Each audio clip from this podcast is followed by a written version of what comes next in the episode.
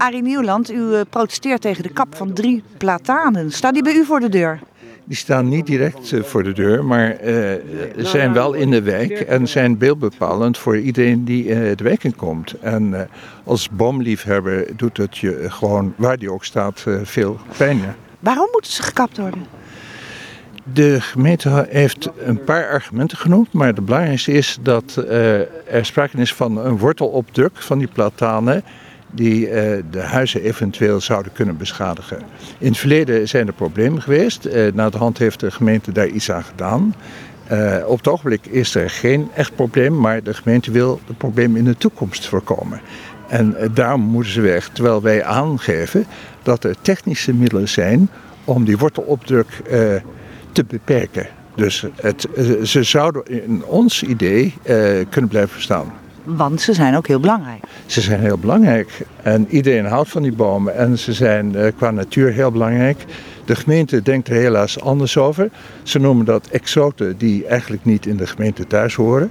Uh, ze doen ook een beetje minachtig over het natuur, de natuurwaarde. Ze hebben ook geschreven dat dat eigenlijk nul is. Wat tot, bij ons tot verbijstering heeft geleid. Want het zijn uh, fantastische bomen. en, maar ze staan wel dicht bij de huizen. Ze staan dicht bij de huizen.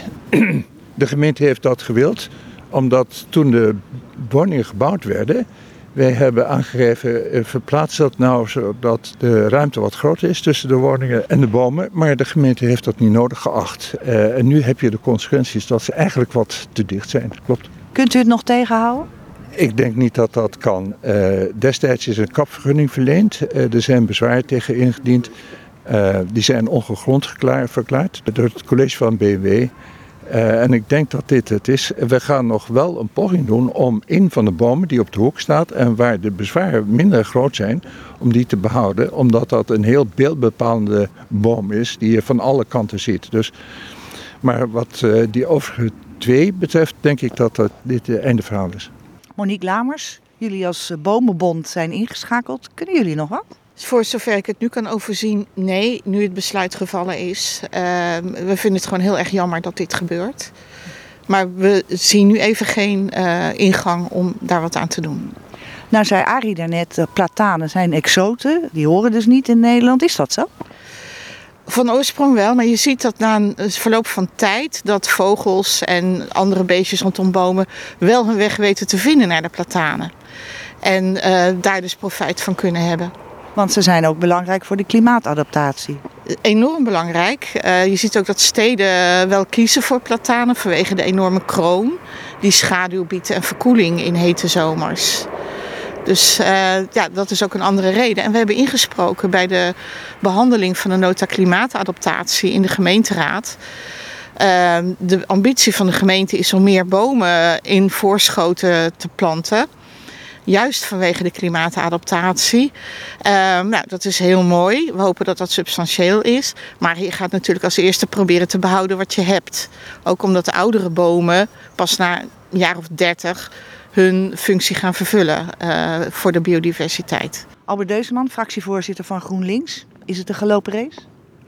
Het besluit is nu genomen, dus uh, ja, in zover is het een gelopen race, dat klopt. En wat kan GroenLinks, wat, wat doen jullie als GroenLinks hier? Wij zijn hier omdat we met uh, de buurtbewoners die deze platanen altijd heel gewaardeerd hebben, die er al heel lang tegenover gewoond hebben, dat het verdriet delen dat deze, dat deze bomen hier nu moeten verdwijnen.